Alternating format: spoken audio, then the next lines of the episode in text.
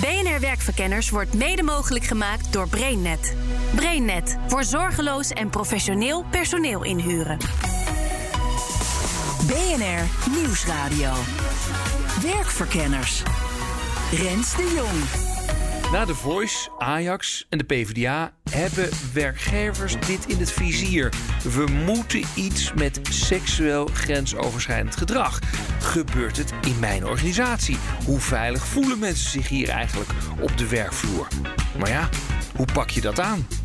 Nou, in ieder geval heel duidelijk benoemen welk concreet gedrag je absoluut niet tolereert. Dat is een veel helderdere stellingname dan grensoverschrijdend gedrag. We hebben het over. Ja, maar het is zo concreet. vaag bedoel jij? Ja, dat is veel te vaag. En het vooral niet negeren als er wel duidelijke signalen zijn.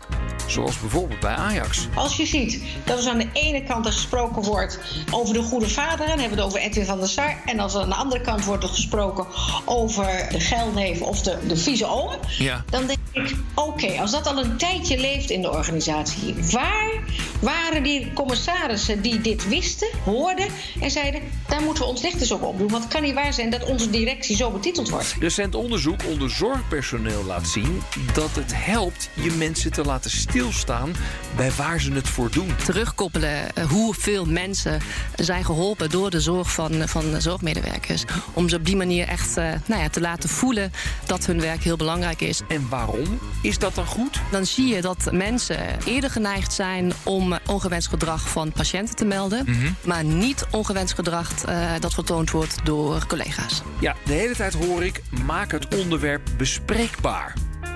Ja, dan is weer de vraag: hoe doe je dat? Heel simpel.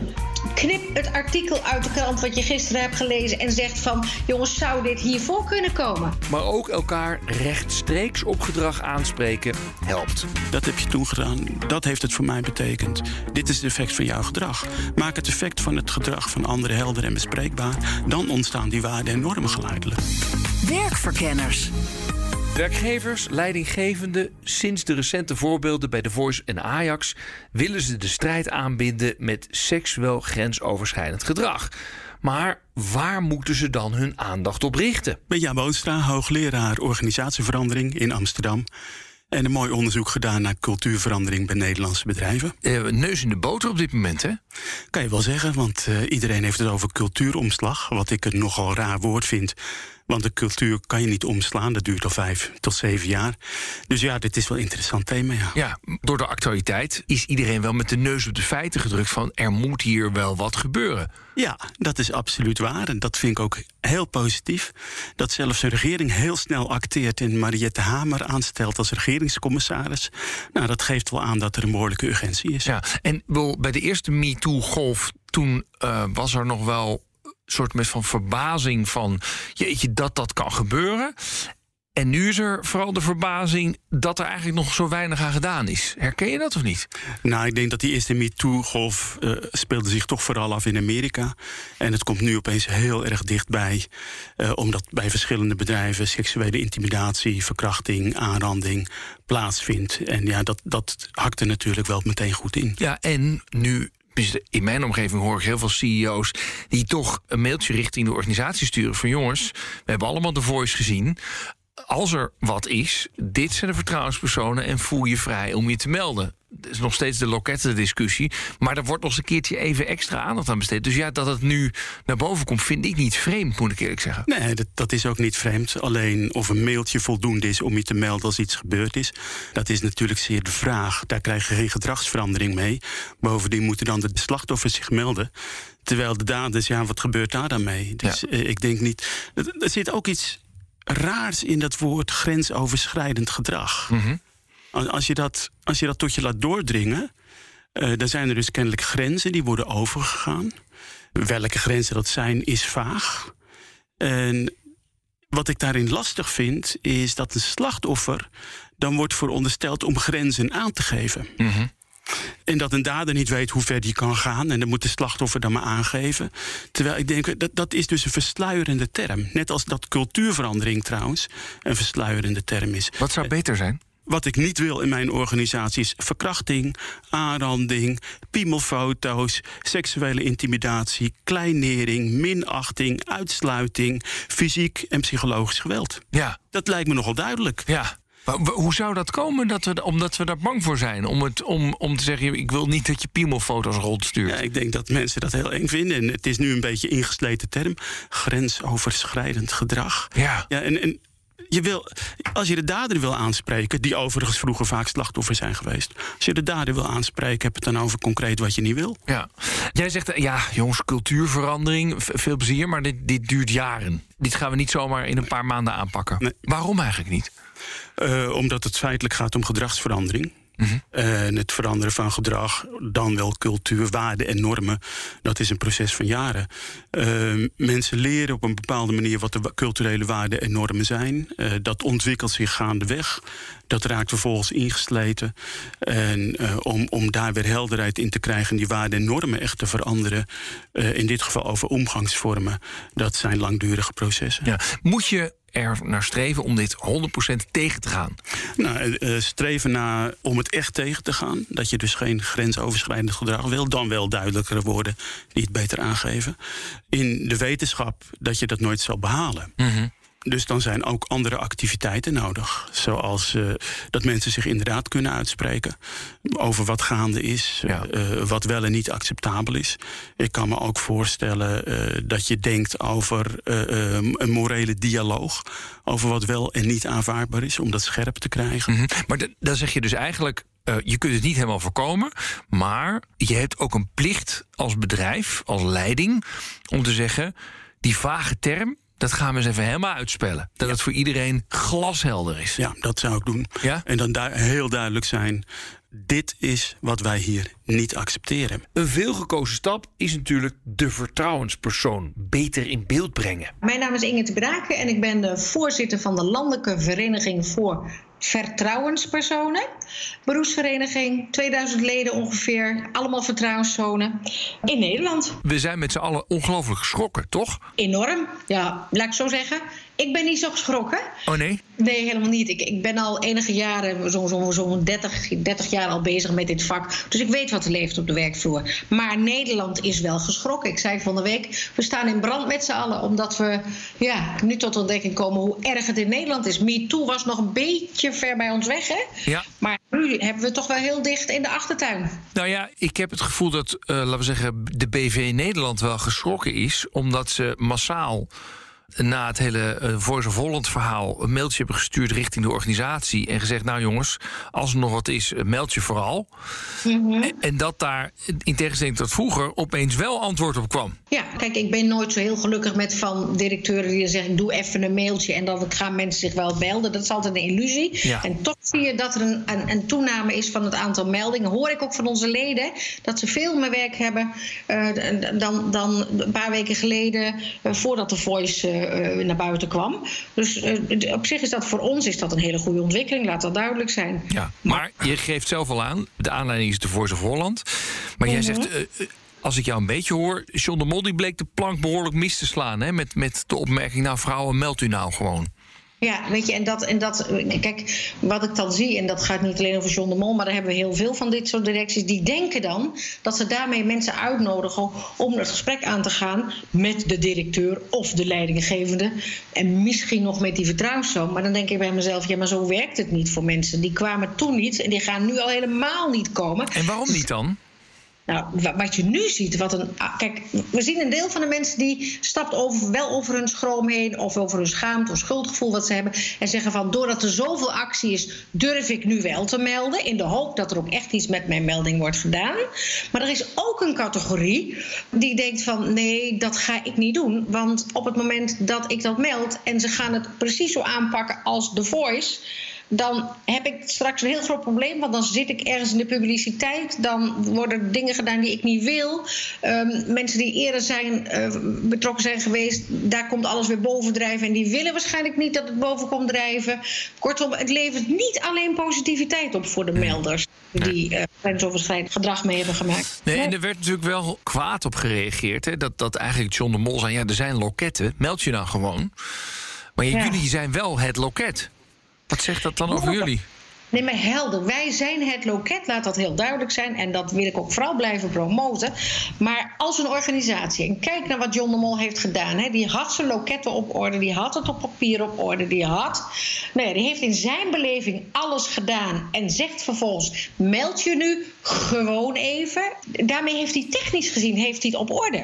Maar wat hij vergeten is te doen, is te zorgen dat hij zelf het goede voorbeeld geeft. Dus voortdurend het heeft over dat gedrag op die werkplek. Zijn leidinggevende, nou, die hebben waarschijnlijk geen idee wat hun rol is. Dat ze überhaupt iets moeten doen. En de vraag is of ze überhaupt zien wat er gebeurt onder hun oog. Ook vaak helemaal niet. En gelijktijdig John de Mol heeft ook niet de medewerkers meegenomen om ze bewust te maken van het gedrag, om met elkaar het voortdurend te hebben. Wat is nou dat goede gedrag waardoor we ons veilig voelen op die werkplek? Mm. Daar het nooit over. Dus ja, leuk, die regel, de, al die maatregelen, maar dat is maar één pakketje. Waar moet een organisatie de meeste moeite in steken? In het proberen te voorkomen of het te bespreken en ervoor te zorgen dat mensen zich gaan melden? En, en, en. Mm. Dus dat is het meeste. Ik kom weer, dat is dat samenhangende pakket. En alleen waar we nu heel erg op zitten, is denk ik dat die organisaties alle energie moeten stoppen in dat leidinggevenden gaan leren. Kijken weten wat ze moeten doen en een handelingsrepertoire krijgen. En dat we de medewerkers bewust maken van waar gaat dit over. En laten we regelmatig het gesprek met elkaar voeren. Maar daar heb je wel goede leidinggevenden voor nodig. Dus die twee vragen nu veel aandacht. De zorg is bij uitstek een plek waar medewerkers veel te maken krijgen met ongewenst gedrag. Mijn naam is Carina Schot. Ik ben bestuurskundige en verbonden aan de Universiteit Utrecht. En ik doe vooral heel veel onderzoek naar motivatie en welzijn van medewerkers die in publieke diensten werkzaam zijn. Zoals docenten, politiemedewerkers, maar ook inspectiemedewerkers. En het onderzoek dat ik vandaag met jullie wil delen, dat heb ik gedaan samen met Enrico van der Roekel ook verbonden aan de Universiteit Utrecht. En hij weet heel veel over leiderschap en welzijn. Ja, en dat onderzoek dat gaat over agressie, hè? Ja, niet helemaal over agressie. Het gaat over ongewenst gedrag. Oh. En de vraag of uh, medewerkers, zorgmedewerkers, uh, dat wel of niet gaan rapporteren. Hoe lang geleden heb je dit uh, onderzoek gedaan? Ik denk dat we de data ongeveer een half, nou ongeveer een jaar geleden hebben verzameld. Mm -hmm. En het is nu een aantal weken geleden is het gepubliceerd. Je valt wel met je neus in de boter qua actualiteit, denk ik dan. Ja, dat is, uh, dat is zeker waar. Uh, ik bedoel, agressie, grensoverschrijdend gedrag. Dat zijn allemaal dingen die vallen onder onderwens gedrag. Dus dat is wel mooi om hier uh, ja, direct aan te kunnen sluiten bij de actualiteit natuurlijk. Um, onze vraag is, hoe zorg je nou voor een veilige werkomgeving? Want dat was natuurlijk de frustratie die je wel nou, hoort. Hè? de lokettenkwestie. Ja, met een loket zelf ben je er nog niet. dus het gaat over cultuur. Um, jullie hebben onderzoek gedaan naar wat zorgpersoneel doet met ongewenst gedrag, zoals agressie. Eventjes, is de zorg nou bij uitstek een sector of een omgeving waar je, waar je veel ongewenst gedrag ziet? Nou, het is best wel zorgwekkend, vind ik. Onderzoek uitgevoerd door ICZ, dat is een belangenbehartiger voor zorgmedewerkers. Die hebben gevonden dat, nu moet ik het goed zeggen, meer dan 40% van zorgmedewerkers minimaal één keer per maand agressief gedrag meemaakt. Mm -hmm. En heel veel van, uh, van die agressie die ze meemaken, komen vanuit. Uh, patiënten, maar ook bezoekers vertonen agressief gedrag en ook collega's. Ja, 18% van die mensen die het heeft meegemaakt, dat komt van agressie van collega's vandaan, zag ik in de resultaten. Dat is, uh, dat is waar. En dat is natuurlijk echt uh, best wel een groot aantal. En uh, dat wordt lang niet altijd gemeld. En waar wij geïnteresseerd in waren, is van nou, hoe kun je dat meldgedrag, of in ieder geval de intenties om iets te gaan melden, hoe kun je dat, hoe kun je dat stimuleren, zodat mensen makkelijker gaan vertellen wat ze is overkomen. Ja, voordat we naar dat meldgedrag toe gaan, even wat voor een effecten dat allemaal heeft, die agressie. Weet je dat? Nou ja, wat we weten, en ook vooral vanuit, uh, vanuit de literatuur, is dat uh, als je geconfronteerd wordt met agressie of andere vormen van ongewenst gedrag, nou, dan kun je je werk gewoon niet meer goed doen. Dus dan ben je bezig met dat te verwerken. Je weet dat uh, patiënten zich onveilig voelen. En nou, dat gaat je hinderen in het uitvoeren van de taken die, die je heel graag wil doen, namelijk het leveren van goede zorg. Straks de vraag wat er nodig is, zodat iedereen de werkomgeving als veilig ervaart. Ik kan zo een toolbox aanleveren in een organisatie met wel 15 middelen waarop een leidinggevende met één van die middelen aan de slag kan om het gesprek op gang te brengen met zijn medewerkers. Rens de Jong. Maar eerst, je wilt met die veilige werkomgeving aan de slag. Maar hoe dan? Nou, het beestje in ieder geval duidelijk bij de naam noemen, zegt hoogleraar organisatieverandering Jaap Boonstra. Alle bedrijven die we hebben onderzocht, die succesvol waren in diepgaande verandering, cultuurverandering, hebben dat woord nooit gebruikt. Het ging over innovatiekracht versterken. Het ging over klantgerichtheid verbeteren. Het ging over de wendbaarheid vergroten. Dus, dus wat je wil, of in een geval wat je niet wil, benoem dat. En zo'n algemene term als cultuurveranderingen, waar hebben we het over? Ja, ja, precies. Ja. Maar dan even weer richting dat grensoverschrijdend gedrag. Jij zegt dat daar zou je een, een morele dialoog over moeten gaan voeren. Wat bedoel je daar precies mee? Je zou heel goed een gesprek kunnen voeren met meerdere mensen, medewerkers, uh, die bij elkaar komen. Uh, waarbij het, het, gesprek wordt gevoerd van uh, wat betekent veiligheid op de werkvloer. Mm om eventueel die grenzen te verkennen. dat kan je wel doen, want dan wordt het concreet. Ja. Um, wat heel goed heeft gewerkt, onder andere in de politieorganisatie. Niet, niet over seksuele intimidatie, maar wel uitsluiting. Um, is om dat gesprek heel open te voeren over wat mensen is overkomen. En uh, hoe ze, wat ze hebben ervaren als ze uitgesloten worden. Mm -hmm. Of als er grappen worden gemaakt die eigenlijk kwetsend zijn. Mm -hmm. uh, ook dan, dan heb je een dialoog. En dat is dat... echt een kringgesprek waar ja, iemand gewoon echt, echt open. Ja. ja. Want dit deed dat met mij. Dit deed dat met mij. Ja. En zo is dat gegaan. Ja. En uh, vaak zit degene die de grappen maakt dan wel uitsluit bij. En nou, dat, dat, dat zijn... Wordt die ook aangewezen van dat Pietje ja, deed het? Ik zou, ik zou dat wel aan... Dat, dat is, zo is dat toen gegaan. Zo, maar het is wel heel pijnlijk. Om het zo... Toch? Ja, ja, ja als, je, als, je, als je die pijn niet wil leiden... Als je, als je niet tot de kern wil gaan van wat je niet wil. Als je niet tot de kern wil gaan welk gedrag onacceptabel is. Als je daar met elkaar geen helderheid over wil krijgen. En je wil het afdoen, meld je vooral bij de vertrouwenspersoon. Ja, dat vind ik pijnlijk. Ja, ja. En waarom, waarom vinden leidinggevenden zo'n moreel gesprek zo moeilijk dan? Want klaarblijkelijk, het is niet moeilijk om te organiseren, maar we doen het niet. Nee, op het moment dat je het echt over waarden en normen gaat hebben, wordt het pijnlijk. Mm. En komen emoties naar boven. En uh, um, kijk, het is ook de vraag: is, is iemand die slachtoffer is geweest van, van intimidatie, uitsluiting, pest op het werk, uh, seksuele intimidatie, is die bereid om het verhaal te delen? Ja. Um, daar begint het al. En dat is al heel pijnlijk. En ben je dan bereid om je verhaal te delen waar collega's bij zitten? Dat is al heel ingewikkeld. Uh, als leidinggevende dat gesprek arrangeren en daarbij zitten en in dat gesprek een veilige omgeving creëren, dat is niet eenvoudig. Nee. En dus, dus als je daaromheen kan lopen, begrijp ik wel dat dat gebeurt. Je hoorde vertrouwenspersoon Inge te Braken zich al aan het begin afvragen waar de commissarissen waren. Nu blijkt dat bij Ajax de leiding al tijden werd omschreven als de goede vader en de vieze oom. Ik vind eigenlijk dat ze aan te rekenen is dat ze het niet weten. Hè? Want, mm. want als er geluid is wat leeft op de werkvloer en je bent betrokken bij die werkvloer, krijg je daar vast iets van mee. En als je dat meekrijgt, moeten onmiddellijk bij jou de alarmbellen aangaan en zeggen van hé, hey, maar als dit gezegd wordt in onze organisatie, dan zullen we minstens op zoek moeten gaan. Wat is hier aan de hand? Mm. Wat is de aanleiding? Wat maakt dat we dit doen? Mm. Als ze het niet geweten hebben, ja, staan ze heel ver van hun uh, mensen af. Hè?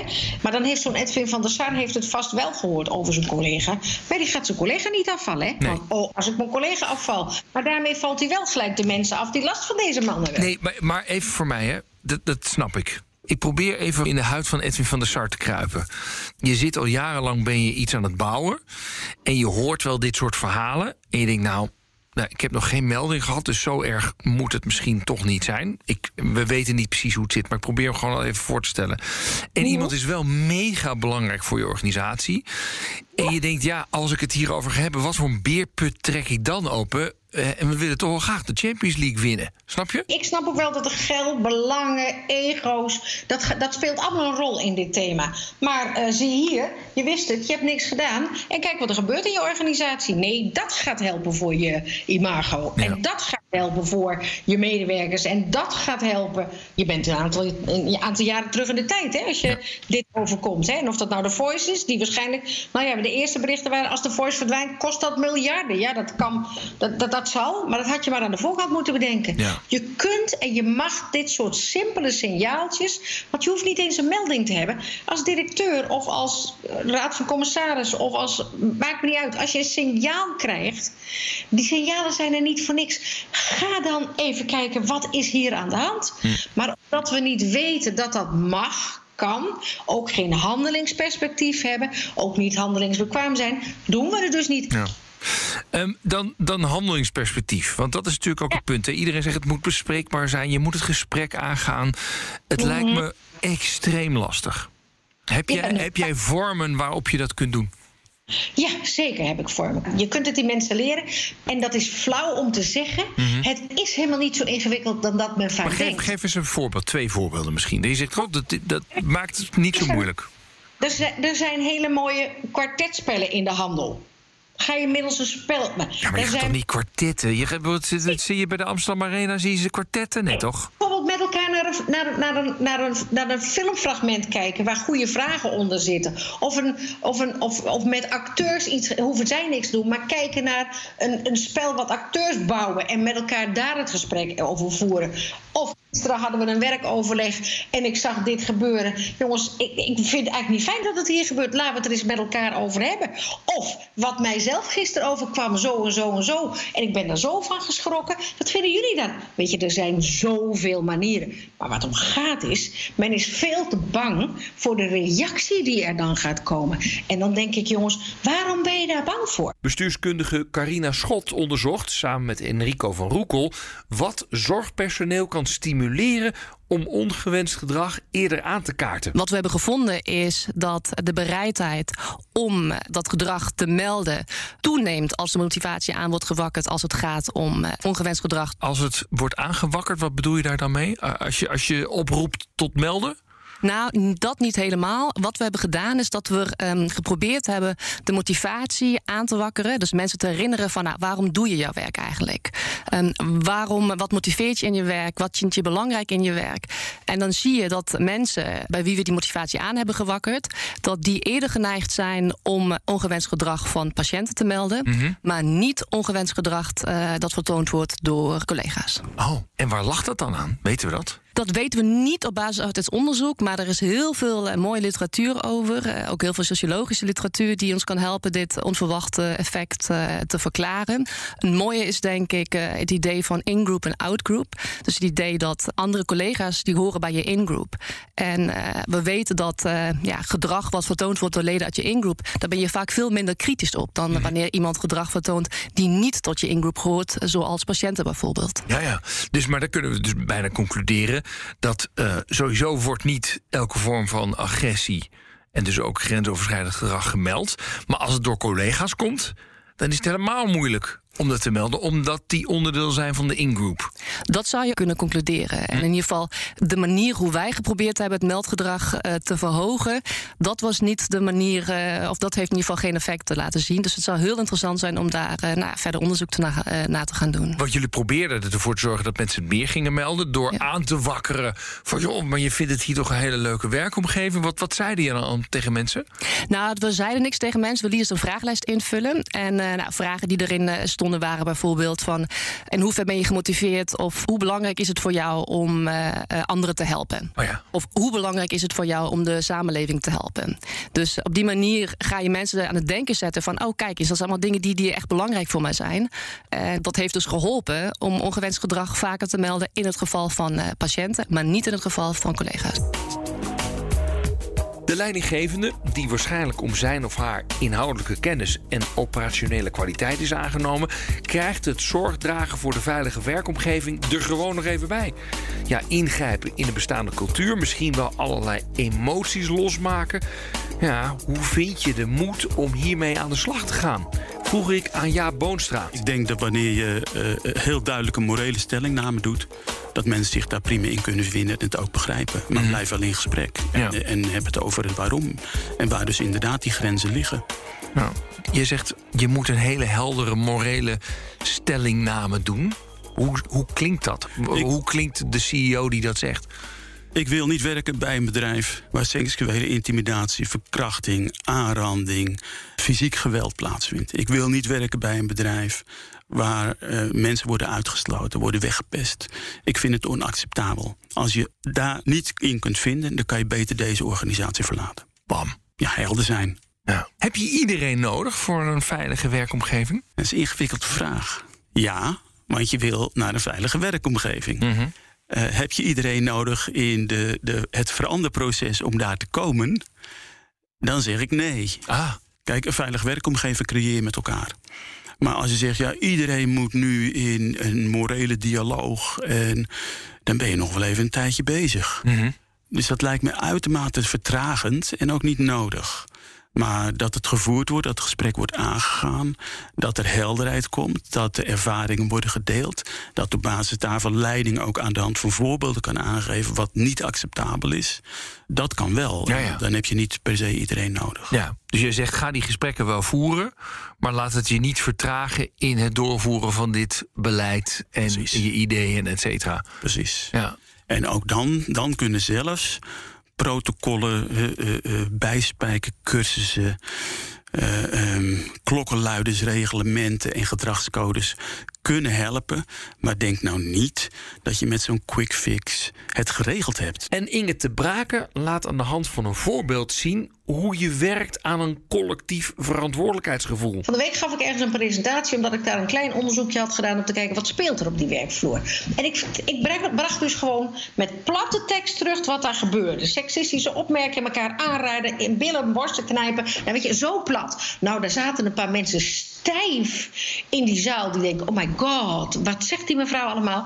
Maar dat ging over die organisatie. over die organisatie waar de top zat, maar waar ook de medewerkers zaten. Oh. En die medewerkers die zeiden: Ja, dat klopt, Ing. Dit is wat, wat, dit is wat er gebeurt op onze afdeling. Eindelijk is iemand die het heeft gezien en die ook zegt. Dit gebeurt op onze afdeling. Nou, ik zeg, oké, als we het daar dan over eens zijn, zullen we dan er met elkaar ook over gaan, aan gaan werken om te voorkomen dat dit gedrag nog voorkomt. En dan krijg ik een paar besmuikten, maar het gros van de mensen zegt: alsjeblieft, want we weten bij God niet hoe we dit moeten stoppen met elkaar. Ja. En ik laat ook zien wat medewerkers zelf zeggen, wat dit met hen doet. En dat gaat van een bezoek aan de psychiater tot slaaptabletten, tot de huisarts, tot extra ziek melden. Tot... En dan, dat schrikken mensen echt. En dan ben ik nog platter, Rens. Dan zeg ik tegen die mensen: als je hier naar kijkt, dit is wat jullie zelf aan mij verteld hebben. En dit is wat jullie elkaar dus aandoen.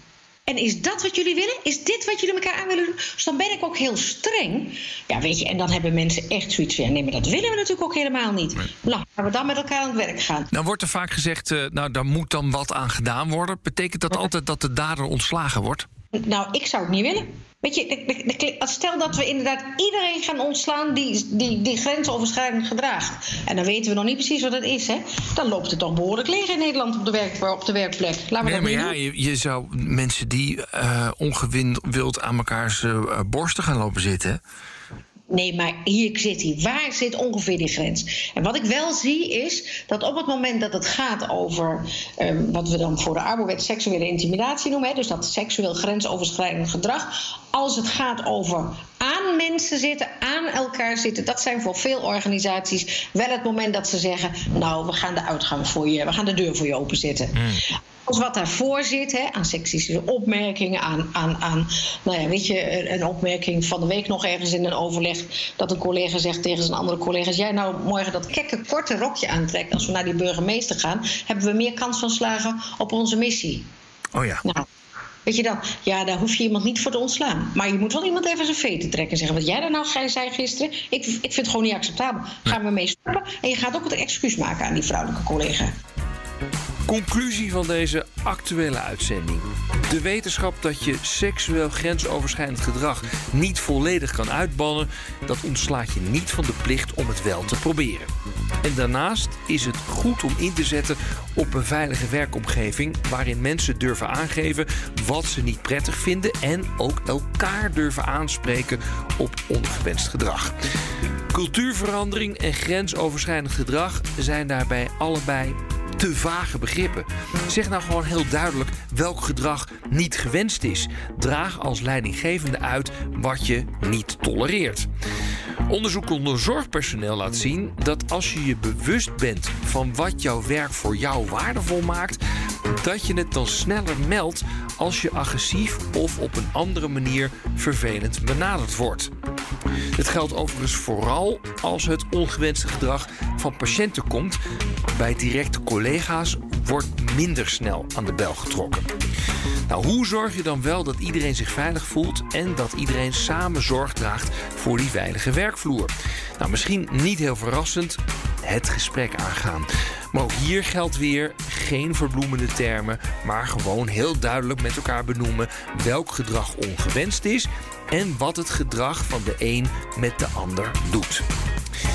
Nou, dit was Werkverkenners voor deze week. Productie en redactie Nelleke van der Heijden. Mijn naam is Rens de Jong. En volgende week dan krijg je gewoon weer een verse Werkverkenners op dinsdag om half vier. En natuurlijk in je favoriete podcast-app kun je op ieder moment terugluisteren. Tot de volgende keer. Dag.